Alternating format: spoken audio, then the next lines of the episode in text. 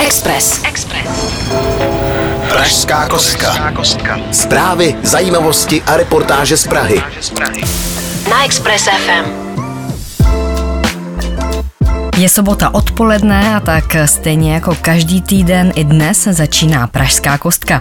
Pořad, ve kterém se dozvíte, co se v metropoli děje, chystá a co byste neměli zmeškat. Čekají vás zprávy z ulice, radnice i kulturní scény. Vítá vás Pavlína Kosová. Dnes vám řeknu, jaké novinky pro vás připravili na pražském magistrátu, ať už přejmenování Koněvovy ulice nebo pro koho bude sleva na pražskou městskou hromadnou dopravu. A dozvíte se i to, jak to bude s rekonstrukcí divadla Spirála na pražském výstavišti. Určitě si počkejte i na dnešní rozhovor. Do Pražské kostky totiž přijal pozvání divadelní, filmový a televizní herec Václav Vašák, kterého můžete vidět třeba na prknech divadla na zábradlí. Pražská kostka právě začala, máte se na co těšit. Pražská kostka s Pavlínou Kosovou. Posloucháte Pražskou kostku, kde se v následujících minutách dozvíte novinky, které připravili radní na Mariánském náměstí. Dopravní tepna Prahy 3 Koněvova ulice změní název. Od října se bude jmenovat Hartigova podle prvního starosty Žižkova. Ti, kteří tam bydlí, si tak budou muset změnit doklady. A jak to bude s doručováním dopisů a zásilek, to popsal mluvčí pošty Matyáš Vitík. Podle databáze dodacích míst České pošty je aktuálně v Koněvově ulici celkem 3468 domácností a 629 firem. V jedné domácnosti může samozřejmě žít více adresátů. Česká pošta doručuje na adresu, která existuje. Nicméně vzhledem k místním poměrům i po 1. říjnu budeme doručovat zásilky s původním názvem ulice. Přesto bychom doporučili všem, kterých se změna týká, aby odesilatelům uváděli aktuální adresy. U pošty ještě zůstaneme. Praha by se mohla v budoucnu účastnit dražeb budov České pošty. Schválili to praští radní. Rozhodnutí ještě musí potvrdit zastupitelstvo. Radní hlavního města Prahy pro majetek, transparentnost a legislativu Adam Zábranský doufá, že ji ale město nebude muset využít a na odkupu objektů se s poštou dohodne. Máme zájem o jednak tu centrálu Vindříské, také o Moravskou, nebo o budovu na strži u metra Pankrác. Kdyby se nám nepodařilo dosáhnout přímého jednání a Česká pošta by přesto vyhlásila nějaké dražby, tak by se město jich mohlo účastnit. A město schválilo i další finanční injekci na rekonstrukci divadla Spirála na pražském výstavišti. Rozpočet na opravu se tak navýší o téměř 50 milionů korun. Více doplnil radní Adam Zábranský navýšit celkový rozpočet o téměř 50 milionů korun. Bohužel se i do této akce promítly všechny ty problémy, které dnes stavební trh má. Celková výše té investice tak nově bude nějakých 300 milionů korun. Divadlo Spirála v minulosti proslulo uvedením muzikálu Jesus Christ Superstar. V létě 2002 ho ale vyplavili povodně. Po rekonstrukci by se mohlo otevřít začátkem příštího roku. A radní schválili i to, že zvýhodněný tarif na pražskou MHD pro ty, kteří pobírají dávku pomoci v motné nouzi, bude pokračovat a to minimálně do června příštího roku. Sleva na jízdné bude nadále platit i pro uprchlíky z Ukrajiny, zatím ale jen do konce září, říká náměstek primátora pro dopravu Zdeněk Hryb. Je to tedy sleva 70%, která je určena občanům hmotné nouzy, kteří pobírají příspěvek na živobytí. Samozřejmě důvodem je ta aktuální ekonomická situace, zvýšené ceny energií a podobně. Možná jste si všimli, že se zvyšujícími se teplotami vyráží do ulic stále více motorkářů. Praha myslí na jejich bezpečnost, radní proto schválili, že se mohou pohybovat i v pruzích vyhrazených pro autobusy, jako třeba taxíky s cestujícími. Náměstek primátora pro dopravu Zdeněk Hřib si nemyslí, že budou zpomalovat hromadnou dopravu se setkávali dříve s tím, že ten motorkář vyjel do toho kruhu, přijel tu kolonu a potom se zpátky zařazoval. Předpoklad je ten, že to MHD zpomalovat nebude, protože nejezdí nějak zvlášť pomalu. Takže já předpokládám, že tohle to prospěje další plynulosti a bezpečnosti. Posloucháte Pražskou kostku. Informace z pražského dění. Na Express FM. FM. Magistrát se připojí k milostivému podzimu. Zapojení městských částí ale ponechá na jejich rozhodnutí. Akce se netýká soukromých exekucí, jen těch vedených celní a finanční zprávou. A podle radního Adama Zábranského se celkem jedná o exekuce v celkové výši skoro 13 milionů korun. Velká většina těch nedoplatků jsou poplatky za psy. Je to asi zhruba 80%. Teoretická úspora pro dlužníky v Praze na těchto dluzích, co jdou za městem, tak je necelé 3 miliony korun, ale to hlavní je informování Pražanů o tom, že si mohou řešit dluhy u státu, při milostivém podzimu budou moci lidé splatit dluhy například na daních nebo odvodech. Poslanec Patrik Nacher připomíná, že se akce týká dluhů, které si stát vymáhá sám. Není to prostřednictvím soukromých soudních exekutorů. Týká se to daní, sociálního pojištění, pohledávek vymáhajících finanční úřady, celní zpráva, Česká zpráva sociálního zabezpečení, ale třeba i na ministerstvu spravedlnosti, různé soudní poplatky.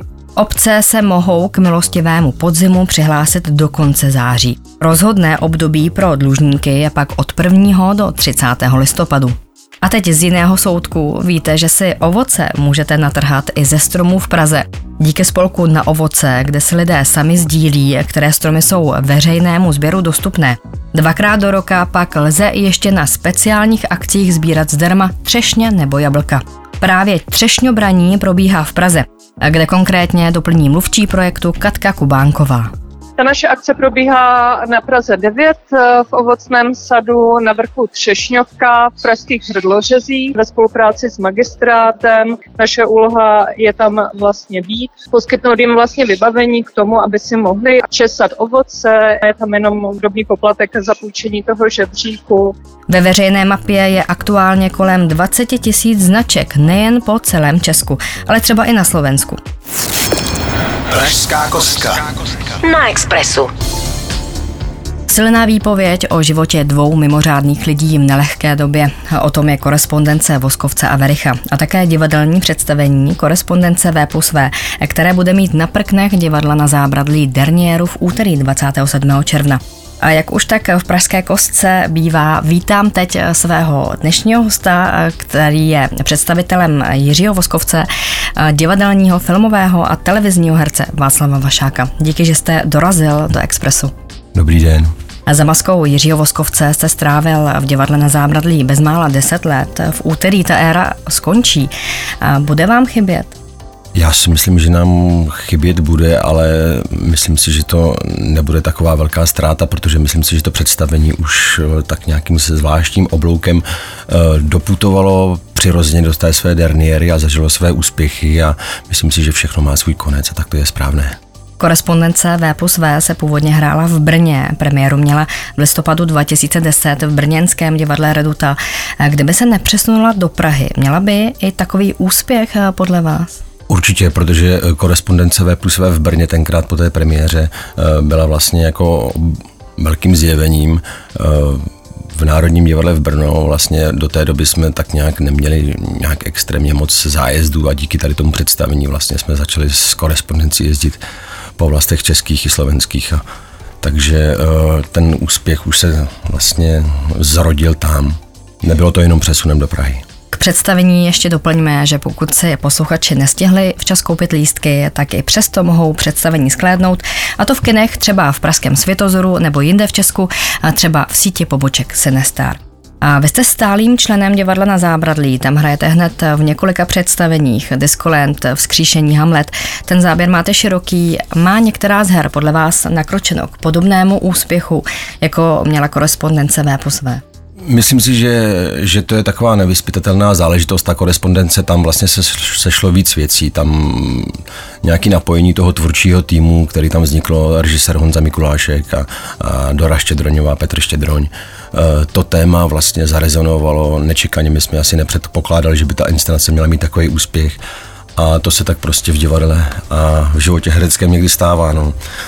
Stejně tak já si myslím, že to má takovou podobnou paralelu s Voskovcem a s Verichem, kteří vlastně, když ve, spotek, ve Spoket Reví, když udělali tu svou první inscenaci, tak asi nepočítali, že to bude mít takový úspěch a že budou mít přes, já nevím, 200, 300 repris a, a že to bude mít takový dlouhý život a že založí éru osvobozeného divadla na základě tady toho představení, který to byl vlastně sled nějakých scének.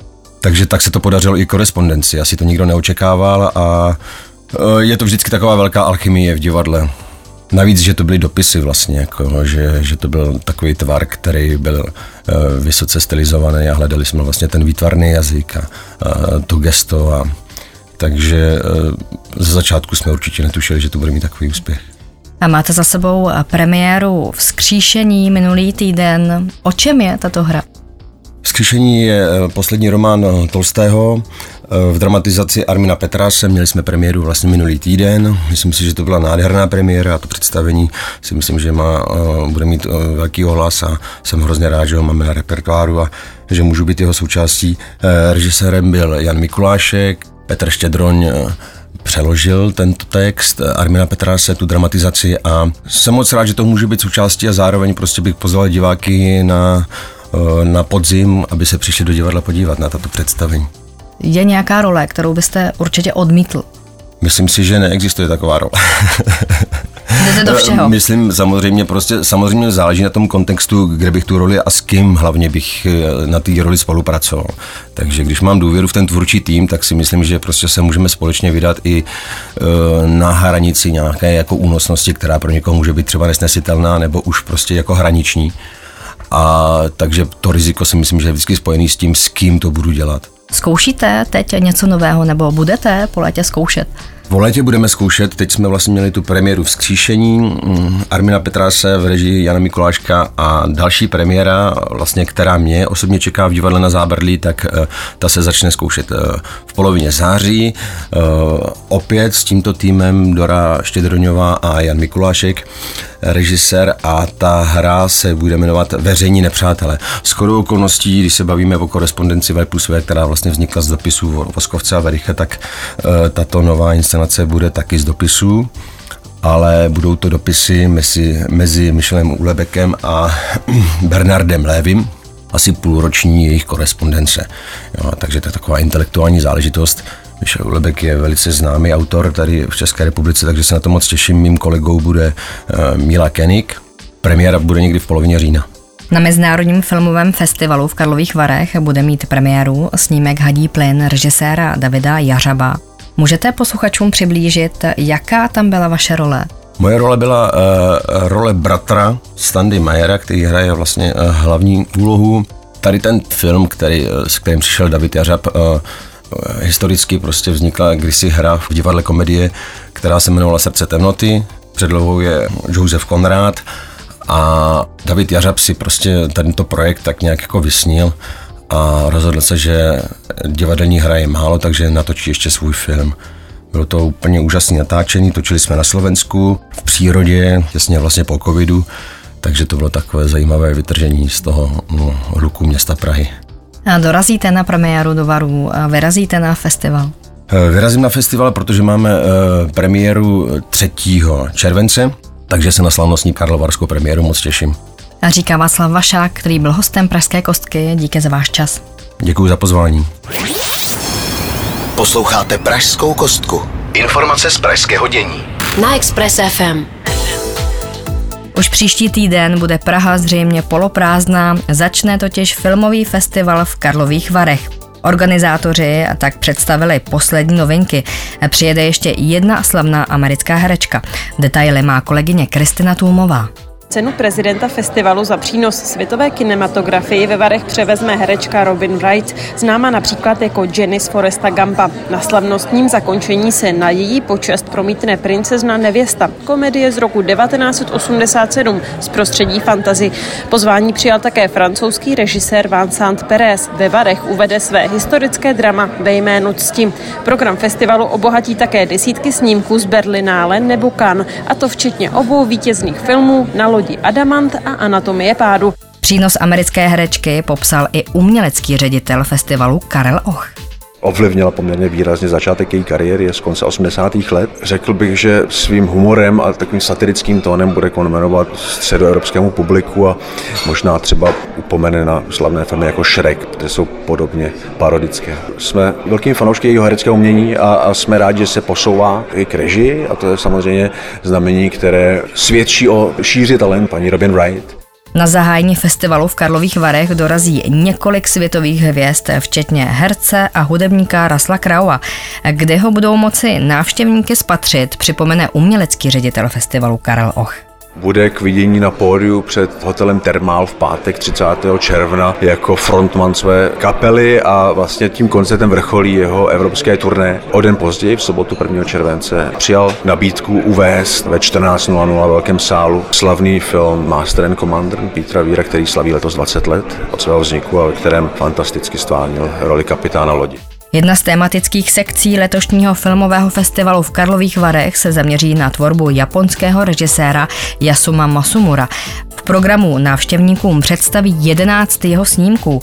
O čem jsou, doplní opět umělecký ředitel přehlídky Karel Och. Každý je velmi strhujícím diváckým zážitkem. Ty žánry jsou například špionážní thriller prostředí exkluzivních automobilek, lesbické drama, ostrá protiválečná satira, která do jisté míry předjímá slavný film Roberta Altmana Mesh. Jsou to filmy, které jsou opravdu pastvo pro oči, ale e, zároveň velmi podnětné k zamyšlení a Masumorovi se podařilo nějakým velmi podnětným způsobem zkombinovat právě mainstreamovou a artovou kinematografii, což jej činí výjimečným. 57. ročník Mezinárodního filmového festivalu v Karlových Varech zařadí do svého programu aktuální iránské snímky. Sekce nazvaná Další zrod, iránský film Tady a teď jich představí devět od především mladých tvůrců. Zaměřené jsou na současný stav v zemi, říká umělecký ředitel Karl Och. Jsou to velmi nízko rozpočtové snímky, které nemají ani vlastně možnost být předvedeny tamnímu publiku a jsou to velmi žánrově rozmanité filmy. Je tam jeden dokumentární snímek, jsou tam filmy žánru, které využívají metafor a, a alegorii k tomu, aby vlastně nějakým způsobem se třeba prostřednictvím vědecko-fantastického filmu vyjádřili právě k tomu, čemu je velmi těžké se v současné době v Iránu vyjádřit přímo. A Karlovarský filmový festival zakončí snímek Šampioni o trenérovi v basketbalu, který za své prohřešky musí platit dobročinným trénováním postižených. A ještě doplňme, že křišťálový globus za přínos české kinematografii dostane herečka Daniela Kolářová. A já už jen doplním, že Mezinárodní filmový festival bude v Karlových Varech od příštího pátku 30. června do soboty 8. července. Express. Express. Pražská kostka. S Pavlínou Kosovou. Na Smíchovské náplavce můžete navštívit festival divadla Nového cirkusu, hudby a současného umění Arena divadla Bratří Formanů. Letos je jeho velká část také v Arpet centru Smíchov, kde celou akci zahájilo akrobatické představení s těžkou technikou. Na festivalu můžete vidět i jejich další projekt Low Cost Paradise, který se odehraje celkem desetkrát. Více nám prozradil umělecký ředitel a zakladatel festivalu Arena Petr Forman. Jsou to jako oboje takový rodinný představení. Tahle ta parta je jedna z takových těch starších klasických seskupení, který vycházejí z toho nového cirkusu. Takže kdo viděl cokoliv u nás na aréně nebo třeba na letní letní, to jsou prostě tenhle ten druh představení. Jsem strašně rád, že přijeli, že oni je velký zájem a plánují na jako třeba tři roky dopředu, ale dali nám přednost a tak si toho vážím. Oni opravdu ukážou spoustu jako dovedností, akrobacie a fantastické výkony a na druhou stranu je to pořád pro mě představení. Je to divadlo, Festival Arena uvede také novinku od Matěje Formana, pohádku o ztracené vodě a mnoho dalších představení až do 1. července. A letos se do programu dostalo také něco ze světské zábavy. A to jedno z posledních představení tohoto typu na světě, motocyklová stěna smrti, Lemur de la Mort. Více odhalil umělecký ředitel a zakladatel festivalu Arena Petr Forman. Představte, že vylezete do takového obřího sudu, nahoře, že se díváte do té hloubky, tam dole oni zastartují motorku, to má průměr, já nevím, 10 metrů, od nich k vám je, já nevím, 8 metrů nebo 7 metrů vejšky, no a oni se rozjedou a vědou prostě na tu stěnu a jezdí takhle dokola, prostě třeba ve dvou, ve třech a různě blbnou a ještě do toho randálu dělají, hrajou tu svoji hudbu, tak je to taková show. A vyrazit můžete taky do Holešovické galerie Dox. V Praze totiž poprvé vystavuje Andres Serrano, newyorský umělec, který přepsal dějiny americké kulturní scény. Ve své tvorbě se zabývá kontroverzními a tabuizovanými tématy, a třeba rasovou nesnášenlivostí nebo sexualitou, a s cílem rozpoutat diskuzi. Na výstavě byla kolegyně Kristina Tůmová roboti, zbraně, náboženství, ale také snímky lidí bezdomova z newyorského metra, stoupenců Ku Klux Klanu a intimní portréty. 120 velkoformátových děl představuje průřez více než 40-letou tvorbou Serána. Součástí je také snímek Piss Christ z roku 1987 ve formě NFT, který ve Spojených státech vyvolal velké debaty i protesty. Mnoho Seránových děl stejně jako toto totiž zahrnuje tělesné tekutiny jako krev, mateřské mléko nebo moč. Ano, i zmíněné ikonické dílo je součástí pražské výstavy. Nešlo nám ale o to udělat kontroverzní výstavu, říká její kurátor Otto M. Urban. Jedno takové téma, které se prolíná tou jeho tvorbou od samotného počátku až do současnosti, je téma víry, téma náboženství, téma křesťanství. Proto vlastně už je to jedno z nejstarších děl, co máme na výstavě, představuje Krista nebo je to kříž a stejně tak vlastně ty poslední díla z roku 23, které tu máme, využívají vlastně Michelangelovi sochy svědců Madony Ježíše Krista. Express. Express. Pražská kostka. S Pavlínou Kosovou. Pokud pravidelně posloucháte Pražskou kostku, tak víte, že staroměstský orloj byl nějakou dobu nekompletní a to se ve středu změnilo. Na orloj se po opravách vrátily tři sochy apoštolů, které loni poškodili vandalové. A teď už se v okénkách střídá všech 12 svědců, včetně Matěje, Tomáše a Judy Tadeáše, jak potvrdil pražský orlojník Petr Skála. Oprava, která trvala tři týdny, vyšla na 35 tisíc korun. Teď se před třemi nedělemi ty apoštolové konečně mohli odstěhovat do restaurátorské dílny. Pan Matějček je opravil a dneska jsme tam vrátili, všechno je v pořádku. A co vás čeká v Praze příští týden? V pátek 30. června začne v Praze 28. ročník legendárního Mystic Skate Cupu. Jako obvykle na něj můžete vyrazit na Pražskou štvanici. A pokud vás uh, skatey moc neberou, můžete zkusit novou cyklostezku, která se otevřela v týdnu. Projet se nově můžete v otevřené části cyklostezky A200 Komořany Lahovice návaznost Vltava. Z Pražské kostky je to vše. Už příští týden se na vás znovu těší Pavlína Kosová. Pražská kostka. Na Expressu.